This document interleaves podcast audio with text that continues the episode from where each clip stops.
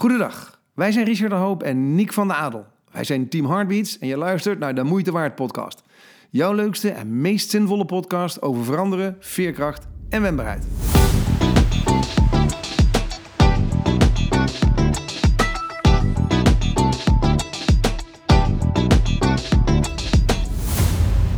Welkom op deze achtste aflevering alweer van de Moeitewaard podcast door Team Heartbeats. Ook deze week gaan wij het met je hebben over misschien wel de belangrijkste eigenschap om gelukkig te worden in het leven, veerkracht. En vandaag is verantwoordelijkheid nemen aan de beurt. Neem je eigenlijk wel verantwoording voor de tegenslagen die gebeuren in je leven of leg je ze naast je neer? En zeg eens eerlijk, ruim jij dat zwerfafval nou echt op dat op straat ligt? En wat heeft dat nou weer te maken met omgaan met tegenslag? Je hoort het nu door je twee favoriete hosts, Richard en Niek. Veel plezier! Richard, eh, goedemorgen. Uh, hey Niek, zo. fijn je weer te zien jongen en We- fijn dat het weer even wat beter met je gaat. Nou, dat is ook wel waar. Ja, de afgelopen twee keer heb je eventjes eh, zonder mij mogen doen. Maar ik was heel blij dat Jitske deze dankbare taak eh, op zich had genomen. Nou ja, eigenlijk al voor eh, de hele coronatoestand, toch? Ja, ja, dat is zo. Ja, en het eh, gekke is, eh, dan valt alles weer op zijn plek. Synchroniciteit of zoiets. Zoiets, zoiets, Ja. zoiets. Ja. Maar eh, ik heb met heel veel plezier, eh, met heel veel plezier geluisterd. En nu mogen wij weer eh, aan de beurt. En zoals iedereen weet die inmiddels aan het luisteren is, beginnen wij altijd met één favoriet onderdeel. En dat is, wat is het goede nieuws deze week? Goede nieuws. Dus Richard, schiet eens even af. Ja, nou, het, het, het goede nieuws is, het gaat goed met z'n alle drie. Ja, ik zie de verbazing op jouw gezicht ook. Ha! Nou ja, het is ook zo. ehm, het heeft ook met verantwoordelijkheid te maken, want dat is namelijk het thema van deze podcast. Ik was even aan het wandelen en eh, nu is het zo dat ik woon een beetje buitenaf. En we hebben hier in de buurt hebben we nogal wat ehm, eh, katten en katers en poezen enzovoorts. Nou, ik zie moeder poes, zagen we een tijdje geleden wel hier al eens eh, eh, rondzwerven met een, een, een aantal kleintjes. En het werkt bij moederpoezen dan zo. Die sleept ze dan eh, overdag of s'nachts sleept ze die ergens naartoe. Dan eh, moeten die kleintjes daar een tijdje blijven. En dan gaat ma weer jagen om dan vervolgens weer terug te komen. Die tijd waarin zij wegblijft wordt steeds langer. Nou, je voelt het al aankomen. Langzaam zeker had moederpoes bedacht... nou, die, eh, de hoop die woont daar lekker. Ik drop mijn kittens hier. Dus ik neem de verantwoordelijkheid niet meer. Die is bij de hoop. Maar ja, nou is Jacqueline is, ehm, eh, allergisch voor katten geworden. Wij waren enorme kattenfans, of zijn we nog steeds. Nou goed, kort, lang verhaal kort. Die kittens die lopen hier dus rond. Maar op enig moment, eh, ja, blijkbaar is moeder iets te vroeg gegaan. Het zijn ook najaarskatjes, geloof ik. Moeder is iets te vroeg weggegaan. En op de duur, ik kwam terug van een wandelingetje. En dan zitten ze alle drie zitten ze op zo'n frotje midden op het weggetje wat hier loopt. En in zo'n poging van, rij ons maar dood, we hebben er genoeg van. En eh, er net er komt een, een, een gezinnetje aanlopen met een, met een meisje. En die vrouw helemaal verontwaardigd. Zijn het uw katten? Ik zeg, nee, zeg, nee, die zijn komen aanlopen. Ja, maar die kunt u toch niet laten zitten? Ik zeg, nee, dat klopt. Maar ja, het zijn zwerfkatten. Ja, maar ja, moet ik dan iemand bellen? Ik zeg, nou, dan regel ik al iets.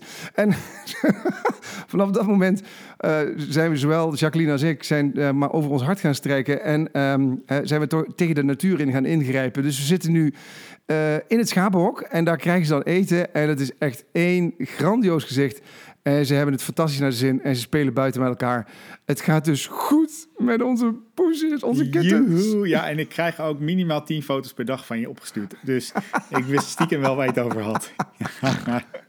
En jouw goede nieuws. eh, Mijn goede nieuws. Mijn Nick? goede nieuws is, nou ja, de- zoals jij mooi hebt verteld in de vorige aflevering, was ik er de afgelopen twee keer niet, want het ging niet zo dus eh, goed met mijn eh, pijnbeleving. En, eh, en daarvoor heb ik een heel mooi experiment gekregen van mijn eh, therapeut die me daarin begeleidt. En dat is een experiment met bandjes. En dit komt eigenlijk vanuit de eh, kinderen met chronisch vermoeidheidsklachten. En zij zei, die zijn ooit een keertje bij mij gekomen. Toen hebben we het volgende bedacht. Laten we nou eens groene bandjes, rode bandjes en oranje bandjes in het leven roepen. En daarmee kan je eigenlijk aangeven hoe moe je bent op zo'n dag. En toen dacht ik, ah, wat is dat iets moois. Want wat ik altijd het lastigste vind nog steeds aan pijn... is dat mensen het niet, vaak niet aan mij kunnen zien.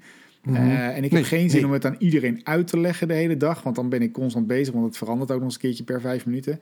Eh, Mhm. Maar ik wil op een of andere manier wel dat ze het even weten. Eh, ja, jij doet dat dan altijd heel mooi. Jij gaat dan bijvoorbeeld dan even Joep voor me uitlaten. Want daar heb ik dan letterlijk eventjes de energie niet voor. Of iemand die Mhm. net even wat drinken pakt. Of iemand die net even een, een arm om mijn schouder slaat. Of, of die zin. Dus ik heb nu drie bandjes. En eh, het groene bandje, daar staat dus ook echt op Mr. Featherforce. Want zo noemt eh, mijn uitgever mij altijd belachelijk. Voor de mensen die van slecht Engels houden. Nou, dit is er Ja. eentje. Dan heb ik Ja. het oranje bandje en daar staat op even kalm aandoen. En dan heb ik het rode bandje en dat is ik trek het even niet. En welke heb je nou om? ehm, Ik heb nu eh, groen om. En eh, eh, groen, Zo, je, je kan zien. Fuck, dames en heren, Ja. hij heeft groen om. Hij heeft groen, eh Mr. Feather Force Today. Feather Force, yes, sir. Mr. Mr. Veerkracht. En, ehm, en mijn dochters die weten dat inmiddels ook al. Dus als ik beneden kom, dan, dan kijken ze ook eerst naar mijn pols. En dan zien ze, Hmm. hoe voelt papa zich vandaag? Ehm, en uiteindelijk is het natuurlijk prachtig dat ik aan de buitenwereld kan laten zien hoe ik me voel. Maar het herinnert mij er natuurlijk ook aan dat... hey, Niek, even kalm aandoen vandaag. Of eh hey, trek het even niet. Dan gaan ook inderdaad gewoon even wat afspraken uit de agenda. En ik geloof dat dat dus ook gewoon te maken heeft met verantwoording nemen voor, eh, voor de tegenslagen in je leven. Soms trek je het Nou ja. even niet. eh, Ja. En soms gaat het een beetje. En soms gaat het hartstikke goed en kan je alles aan. Eh, Ja. Dus dat was mijn goede nieuws. Want ik ben er echt heel erg blij mee dat ik dit heb ontdekt. En ik, ik zal daar binnenkort wel veel over gaan posten en schrijven. Over hoe dat experimentje eh, werkt. Ja, Ja, want het is, nou ja, in ieder geval, eh, als je het ook over verantwoordelijkheid nemen hebt, dan is dit wel een heel mooi voorbeeld. Daar zitten we eigenlijk ook gewoon meteen midden in ons thema, verantwoordelijkheid nemen, als ehm, spiergroep die je kunt trainen om veerkrachtig te worden. Want daar gingen we het toch over hebben vandaag, toch? Dat Ja, is- dat zeker. ik, eh, Ja, nou, de- ja de- ik, om met een mooie quote te beginnen. Ik vond een hele mooie die ik vond is... iemand anders de schuld geven is de beste manier om met een probleem te blijven zitten. En Ja. eh, eh, dus de verantwoording buiten jezelf zeggen, ik vind hem echt heerlijk... eh, Mhm. eh, is misschien wel een hele mooie manier om het probleem te, te, te, te behouden. Ja. Eh, en en dat, dat, dat ging natuurlijk, dat raakte gelijk van ja, ik ben er natuurlijk weer ingedoken. Net als jij. Wat is dan mhm. ja, wat is verantwoordelijkheid nemen voor eh, de tegenslag in je leven? En eh, heb je wel verantwoordelijkheid te nemen voor alles? Valt Mhm. eigenlijk alles wel binnen je cirkel van invloed? En, ehm, en in verantwoordelijkheid letterlijk ligt het woord antwoorden. Hè? Verantwoordelijkheid, antwoorden. Ja, maar ja, is ook ver, hè? Dus uh, gewoon ver antwoord. Ik ben er ver vandaan. Nou, Eh, ja. nou, Nou, Nee, maar ja. ver antwoorden. Het, is, een, het is een, weerwoord. Er moet een weerwoord komen. Iemand vraagt jou iets en dan moet dus een weerwoord komen. Je moet dingen ook kunnen rechtvaardigen. Daar komt het zo'n beetje vandaan. Hè? De rechtvaardiging van datgene wat je zegt, de rechtvaardiging van datgene wat je doet, wil je daarop aangesproken worden. Dus het is ook een beetje aansprakelijk willen zijn en aansprakelijk voelen voor iets. Nou, daar, daar, in die hoek zit het hem. Eh, ja, eens. eens. En, eh, en dan is er wat mij betreft nog een verschil tussen eh, actieve verantwoordelijkheid en passieve verantwoordelijkheid. Zo, Ja, dus, dus passieve verantwoordelijkheid, dat is veel meer die aansprakelijkheid waar jij het over hebt. En actieve verantwoordelijkheid is veel meer met te maken met de houding van iemand. Dus, eh, Nou ja, eh, ik bedoel, je bent, als, ik, als ik toch jouw ruit ingooi, dan kan ik dus heel passief verantwoordelijk denken van ik ben niet aansprakelijk, maar ik ben gewoon de zaak hoor. Ik bedoel, volgens mij kom jij dan gewoon achter me aan rollen, zo, wacht, met je groene bandje. dat weet ik dan ook weer niet hoor. met je groene bandje. Ja, want je voelde je toevallig goed. Je kwam gewoon achter me aan ja, dus, steen. dus je mag gewoon die ruit, die ruit inflikkeren, toch? Ja. Nee, ja, maar dus, dus, daar, ben ik dus, daar, daar ben ik toch aansprakelijk voor. Daar, moet, daar Nee, maak ik toch eens. Maar- aanspraak op dat ik jouw ruit heb ingeflikkerd. Ik kan wel zeggen, ik heb het niet gedaan. Nee, maar ik benoem hem omdat ik denk dat het goed is om die twee even uit elkaar te trekken. Want eh, verantwoordelijkheid kan, k- komt, je, je kan hem vanuit de ethiek benaderen en je kan hem ook bijvoorbeeld vanuit ons eh, rechtssysteem benaderen. Hè? Dus, dus Mhm. ben je verantwoordelijk voor iets, ben je aansprakelijk voor iets. Daar is onze hele rechtsstaat op gebouwd. Ehm, en vanuit de, de, vanuit de theologie of vanuit de ethiek hebben we het veel meer over actief. Dus voel je je ergens verantwoordelijk voor? Neem je Mhm. ergens de verantwoording voor? En dat heeft veel meer te maken met, eh, met je communicatie naar jezelf en naar buiten, met hoe jij in het leven staat. En het andere heeft natuurlijk veel meer te maken met eh, eh, het rechtssysteem. Letterlijk ben je ergens aansprakelijk voor. En ik denk dat we die tweede niet bijzonder hard gaan raken vandaag, eh, maar dat we het Nee, voornamelijk we ook wel hebben nou ook geen bal verstand van. nee, nee, nee. Dan Helemaal moeten we, niks. Dan moeten Hey, we maar hoe, was jij, hoe groot was jouw verantwoordelijkheidsgevoel toen ik het kleine Niki zeg maar, rondbatterde? Ehm, eh, ik, ik denk... ehm, eh, ik denk dat ik, dat ik altijd wel... Ik heb me heel erg verantwoordelijk gevoeld voor mijn eigen acties en daden altijd. Eh? Echt? ja, alleen... eh, eh, ja, dat, dat wel. Ja. Alleen ik heb, eh, ik heb er nooit last van gehad. En eh, althans, en, en daar zit gelijk, nou, daar zit gelijk een, daar zit gelijk denk ik een, een groot verschil. Dus je hebt mensen halen schuldgevoel en verantwoordelijkheid vaak door elkaar.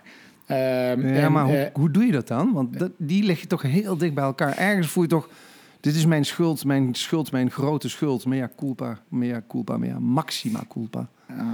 Krijgen we die uitspraken weer. Ja, maar Eh, ja, weet je, ik bedoel, zo ben ik opgevoed, hè.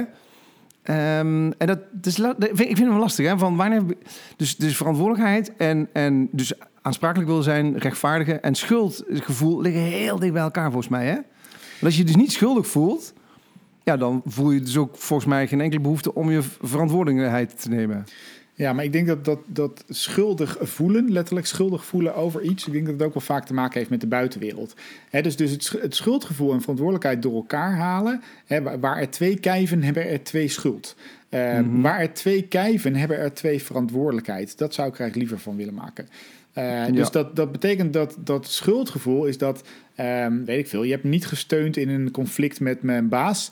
Eh, eh, daarvoor sta ik nu op straat. Dat is iemand schuldgevoel geven. De vraag is of iemand daar ook verantwoordelijkheid over had. Ehm, als jij eh, wat anders had eh, gestaan in onze relatie, dan was onze relatie niet kapot gegaan. Dat is Ja. iemand schuldgevoel geven. En wat ik, wat ik wel boeiend vind, hè, we hebben het samen vaak over ons 5G-model, hè, waarbij Ja. we de wereld hebben we daarmee corona bezorgd, want 5G zorgt voor corona, zoals je weet. En, en- ja, en het, ehm, nou, wij, ons 5G-model, weet je wel, gebeurtenis. De- niets heeft betekenis van zichzelf, wij geven er betekenis aan. Dat, is, eh, dat zijn gebeurtenissen. Nou, die, die gebeurtenis, daar, er komt dus een gedachte in mij op bij die gebeurtenis. Eh, stel je voor, ik gooi dus inderdaad jouw raam in, dat is de gebeurtenis, ik gooi hem in.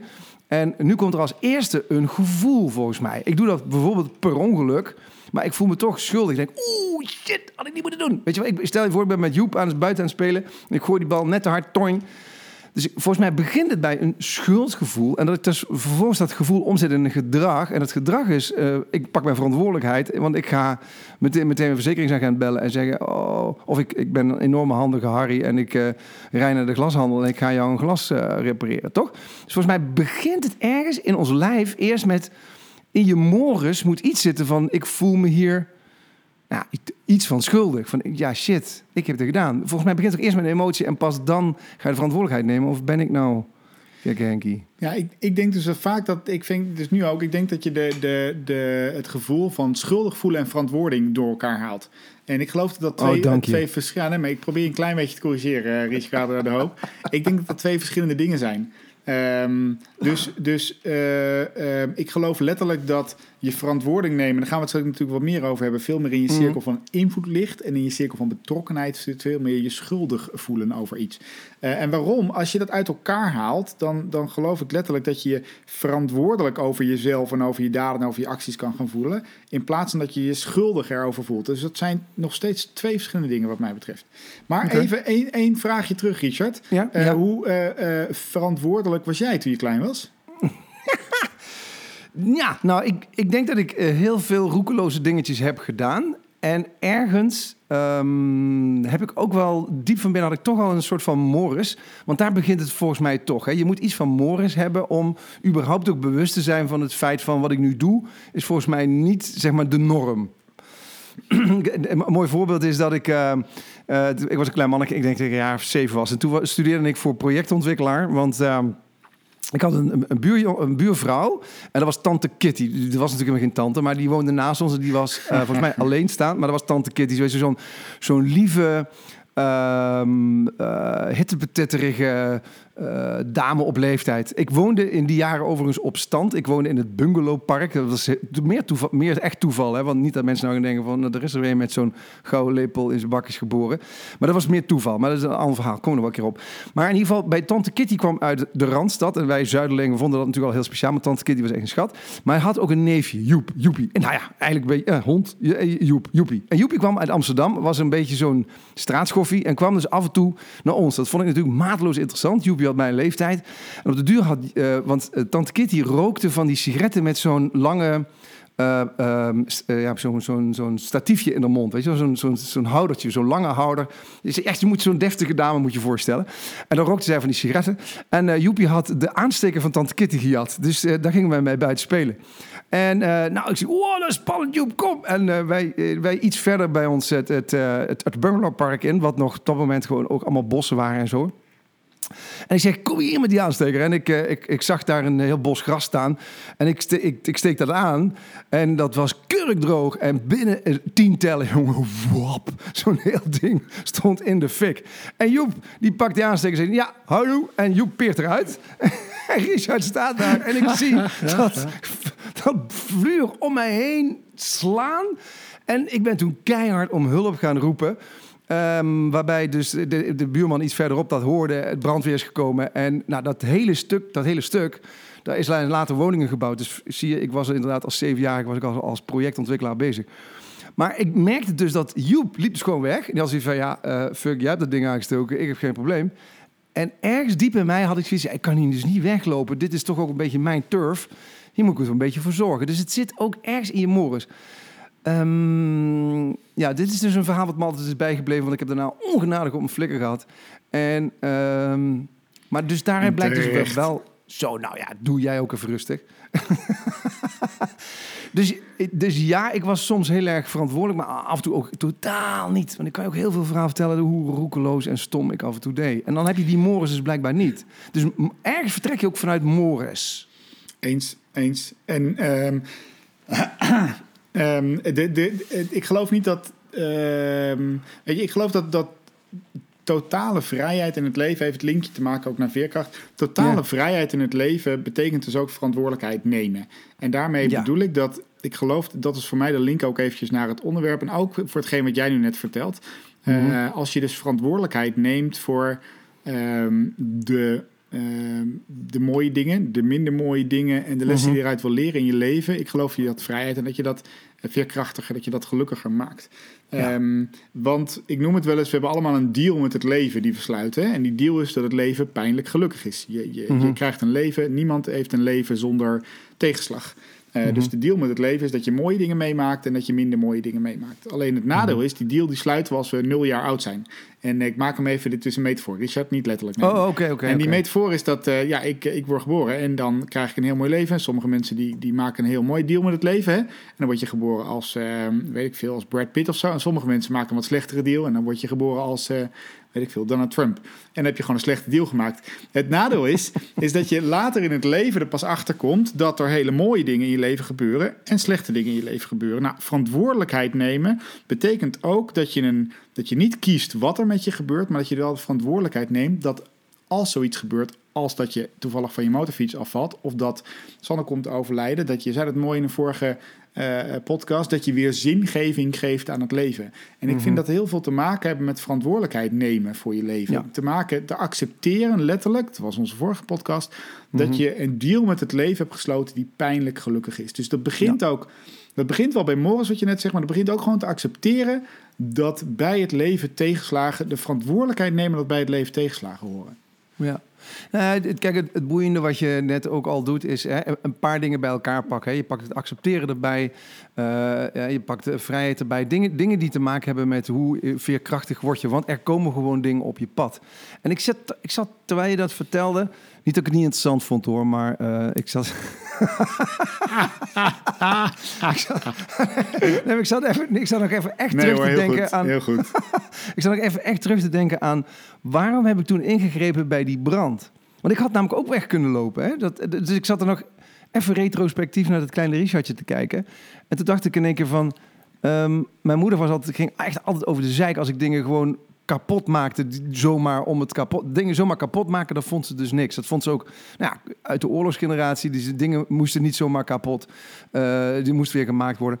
En als ik het nu retrospectief kijk, dan, ik was dus iets aan het kapot maken. Ik was op dat moment dat stuk natuur, dat die eigenlijk waar ik altijd speelde, was ik aan het kapot maken. En dat heeft volgens mij mij meteen aangezet om, hoe klein ik dan ook was, die verantwoordelijkheid om hulp te, uh, te halen. Um, dus ik vind, het, ik vind het wel boeiend. Dus dat ergens zit het toch voor mij dan hè, nog wel ergens dat er een hele diepe laag van uh, waardering, waarde, dus mores in zit. Hè? Dus ook hetzelfde als je zegt van. Um, uh, jij hebt blijkbaar ook zoveel waarde nog aan het leven gehecht. dat je daarna, na je ongeluk, dat die draai hebt opgepakt. Want ik bedoel, je hebt ook vaker verteld dat onder andere eh, hè, dat, dat je ook mensen in, in de revalidatie hebt meegemaakt die eh, ook een, een dwarslesie hebben, maar die er bijvoorbeeld gewoon ja, ergens de waarde van het leven niet meer kunnen zien. En dus ook dan de verantwoordelijkheid niet meer pakken. Of zie ik dat helemaal Mooi. verkeerd? Nee, dat is, dat is een mooie. Dat is een mooie, ja. Ehm, ik, denk dat, dat- ik denk dat dat echt het linkje is. Ehm, ik, heb, ik heb tussen haakjes wel nog even een tussentijds tusstip. Oh ja, dames en heren, tussentijds tussentip van tussentip. van de Nadap. Dit is de meest waardevolle les om eh, totale verantwoording te nemen als man in je huwelijk. En dat zei ik eigenlijk, dat zijn, dat zijn eh, eh, drie kleine korte zinnetjes. En wat er ook gebeurt in je huwelijk, en dat heb ik geleerd van mijn Amerikaanse vriend Brandon Watson. Die zei voor mijn bruiloft, voordat ik ging trouwen op Vlieland, zei hij Niek, je hoeft maar drie zinnetjes te leren die je tegen je vrouw kan zeggen om totale verantwoording te nemen voor alles wat er gebeurt in je huwelijk. En het is yes, you're right, I'm sorry. Eh, dus als je die drie dingetjes onthoudt, wat er ook gebeurt voor de rest van je leven tegen je vrouw, yes, you're right, I'm sorry. En dan lost alles op. Dus ik heb hem daarna ook toegepast. Nooit meer, eh, nooit meer een probleem gehad. Maar, Ja, oké. ja, de- die, die terzijde. Ik heb wel een leuk bruggetje op hetgeen wat je net eh, vertelde. En wa- waarom? Omdat ik... ehm, we, we praten een beetje over de, de grens. Waar ben je dus verantwoordelijk? Jij voelde je verantwoordelijk voor het fikkie wat je had gestoken. Ja. Ehm, en dus waar voel je je... Dit is een mooi eh, tabelletje wat ik vond. Eh, en je hebt de twee asjes. Ene asje staat letterlijk waar voel je je verantwoordelijk voor. Dus ik voel me verantwoordelijk of ik voel me niet verantwoordelijk. En die andere as, en eh, daar gaan we zo direct nog wel even op verder. Dus hoe kan je je nou je verantwoordelijkheid eigenlijk uitbreiden? Hoe kan je hem gebruiken om beter om te gaan met tegenslag in je leven? Ja. De andere as is ik heb er invloed op of ik heb er geen invloed op. Dus. Dus het gaat over voelen, voel je verantwoordelijk en voel je, heb je invloed. ja. Ja, En, nou, dat was heel even, niet dat ik gelijk wil hebben, hè, maar, Nee, maar nee, ik- nooit, ik, ik, nooit, gaf net, ik gaf net het 5G-model. Dus het begint volgens mij ge, gebeurtenis, gedrag en dan gevoel. En dan komt er, eh, of gebeurtenis, gedachte, gevoel en dan komt er gedrag. Dus inderdaad voelen. Ja, nee, maar maakt niet uit, ga door. Dus ik, ik ben benieuwd. Eh, Nee, heel goed. Oké, je had gelijk. en, eh, dus je hebt het eerste, eerste kwadrant waar je in terecht komt. Dus ik voel mijn verantwoordelijkheid. Ja. En je hebt er invloed op. Nou, wat is dan Ik het... zou eh, iets doen. je ik zou iets doen, hè? Toch? Ja. Dat is je gedrag. Ja. Eh, Dus je kan je invloed aanwenden. Je kan er letterlijk iets aan doen. Dus eh, volgende bij jou. Je kan Je- dus om, hè, dus ik, ik voel dat ik iets kapot moet maken. Ik heb invloed, want ik kan namelijk Correct. om hulp roepen. Ja, oké. en dat Ja. heb ik gedaan. Eh, Ja. Nou, de tweede. Je voelt je verantwoordelijk, maar je hebt er geen invloed op. Wat moet je dan doen? Eh, dus ik, eh, ik sta in een glazen kooi naar dat vuur te kijken. Ik kan zo hard schreeuwen als ik wil, maar dat helpt niet. De, die bedoel je? Ja, die. Ja. Ja. Ehm, ja, hoe lullig het dan ook is, maar dan moet ik het ehm, eh, toch met ledenogen aanzien en het loslaten, want dan kan ik, dan kan ik niks. Ja, eh, eh, nou wederom alsof je het modelletje kent, Richard. Nou, nee, Eh, nooit nee, maar, maar ik denk dat dat de, de, een hele belangrijkste is. Op het moment Het dat is je ook weet... even de lastigste hoor. Ja, want, zeker. Want ik bedoel, Ja. je ziet het namelijk wel, maar je hebt er geen invloed op. Hè? Dus ik denk dat dit ook iets is waar heel veel mensen, zeker ook in deze tijd, mee zitten. We zien heel veel dingen, we horen heel veel dingen waar we geen invloed op hebben. En het Ja. is verschrikkelijk. Want als ik, ik, ik, ik, schets dat beeld eens even. Dus ik sta dus in een glazen, glazen kooitje. Ik kan dus niet om hulp roepen. Ik kan dus niks doen, maar ik zie het, ik zie het voor me wel afbranden. Terwijl ik dus, hè, ik kreeg jou net de tip, ja Richard, laat het los. Eh, maar dat is wel, eh, ook wil ik een beetje fatsoenlijk doorleven, wel het enige wat ik kan doen. En ik merk dat, dat ehm, eh, die Roberto Dobelli, die, die ooit zeg maar is gekomen met zijn TED-talk over dat we allemaal op, op nieuwsdieet moeten, wel daar een echt een punt heeft. We, we hebben, we wordt je wordt met zoveel dingen om je kop geslingerd waar je geen invloed op hebt, maar je, omdat je het zo vaak hoort, lijkt het alsof je er middenin staat. Lijkt het alsof je in die glazen kooi naar dat vuur zit te kijken. Ik vind het plotseling wel een heel mooi beeld worden, Niek. En dan is, dan is eh, loslaten best een opgave. Maar volgens mij is dat het enige wat je moet doen. Maar het is wel een opgave. En ongelooflijk eh, lastig. Hè? Leren loslaten is het tegenovergestelde van controleren. Van willen En controleren. vasthouden. Vasthouden. Vasthouden, ja. Omarmen Eh, ook soms. Dus, dus nu leren loslaten, dat je, hoe je het ook went of keert, heb jij nu invloed op de politiek? Heb je invloed op die pandemie? Eh, waar, Precies. heb je daar invloed op? En het antwoord heel reëel is natuurlijk gewoon nee. Eh, eh, dus de hele dag nieuws kijken over hoe het zich ontwikkelt, ja, dat, wil alle, dat, dat versterkt alleen jouw behoefte voor het controleren ervan. Maar je kan het niet Ja. controleren. Loslaten. loslaten. Nou, hebben we een derde. En dat is, ik, ik voel me niet verantwoordelijk. En ik heb er, maar ik heb er wel invloed op. Joepie. Ik voel Joep, me niet ja, Joep. verantwoordelijk, ik heb er geen invloed op. Ja, heel goed. Ja, Jo- Jo- Ja, Joepie ga die, die, heeft wel, die voelt zich niet verantwoordelijk. ehm, zou er wel invloed op hebben. Want hij had natuurlijk ook gewoon naar Tante Kitty kunnen rennen... en Tante Kitty even de brandweer hebben kunnen laten bellen of iets doen. Maar Joep had gewoon echt niks gedaan. Joep had zoiets van, ja, naar mij de zonvloed.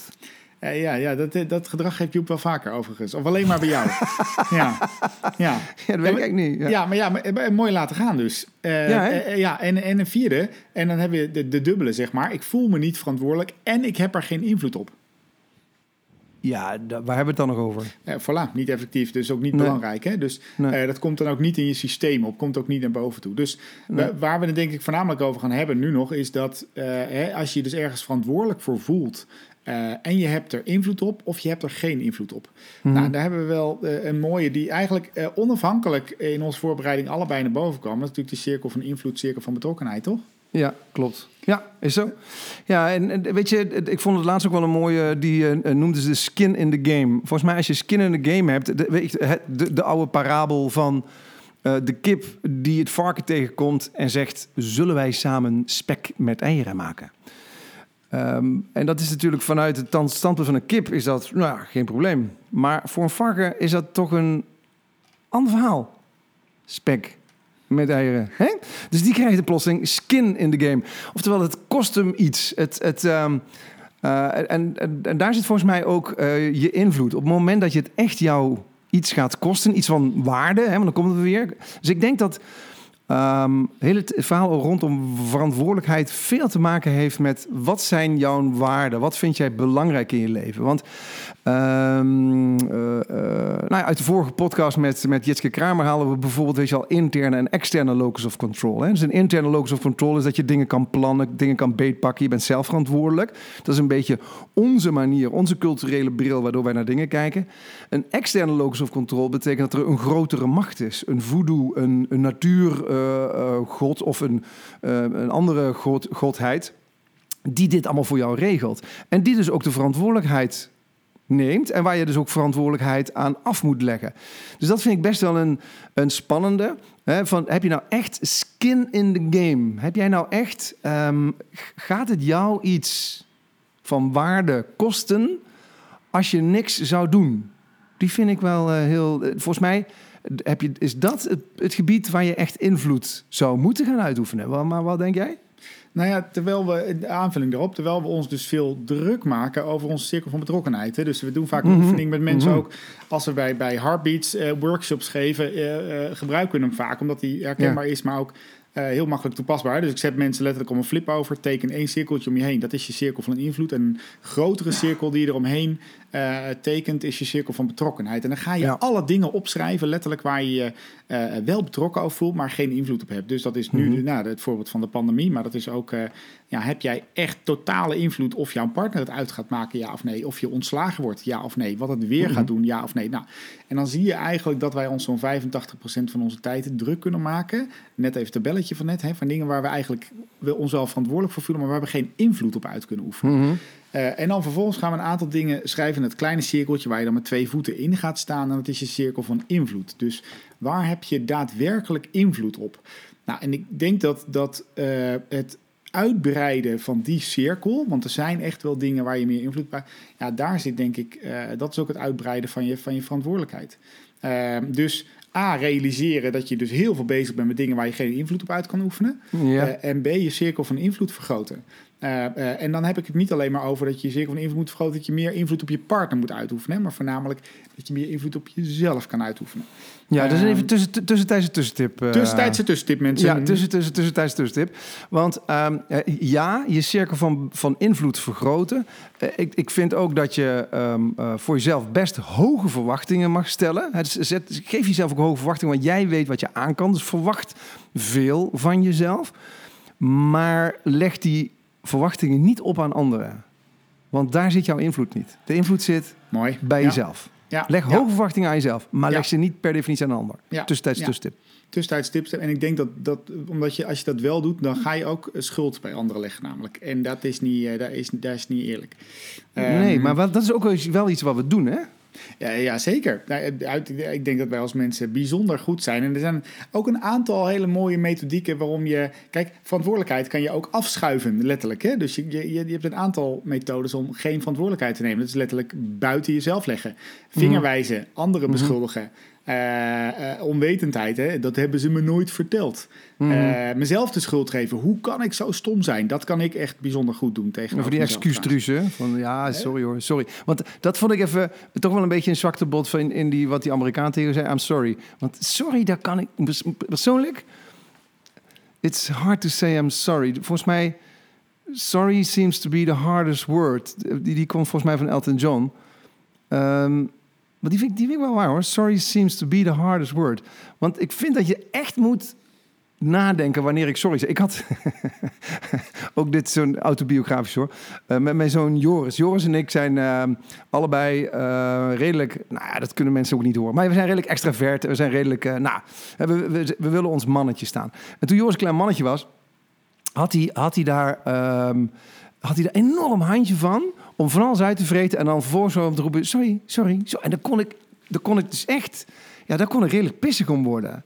Dus ik, ik ehm, eh, of dat nou te maken heeft met eh, dat je dan voor mij te veel in de slachtofferrol komt, of dat je denkt van, weet je, na mij de zonvloed. Ik, ik heb daar af en toe een beetje moeite mee, Nick van Adel. Ja, maar Richard, als jij het sarcasme in mijn mooie stem... Yes, you're right, I'm sorry, niet kon horen... dan heb ik hem niet goed uitgelegd. Want je snapt toch wel, als ik dit, wel, als ik dit bij. Kim zeg... eh, eh, dat, eh, dat ik de wind van voren krijg.